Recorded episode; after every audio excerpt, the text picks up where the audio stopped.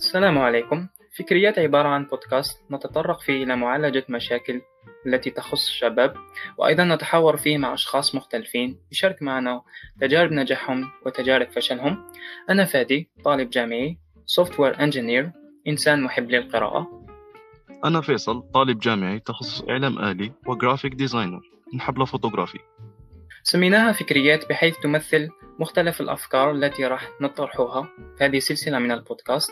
بغرض فهم المشكلة والوصول إلى حل ما هدفنا بكل بساطة التعلم وإفادة الناس.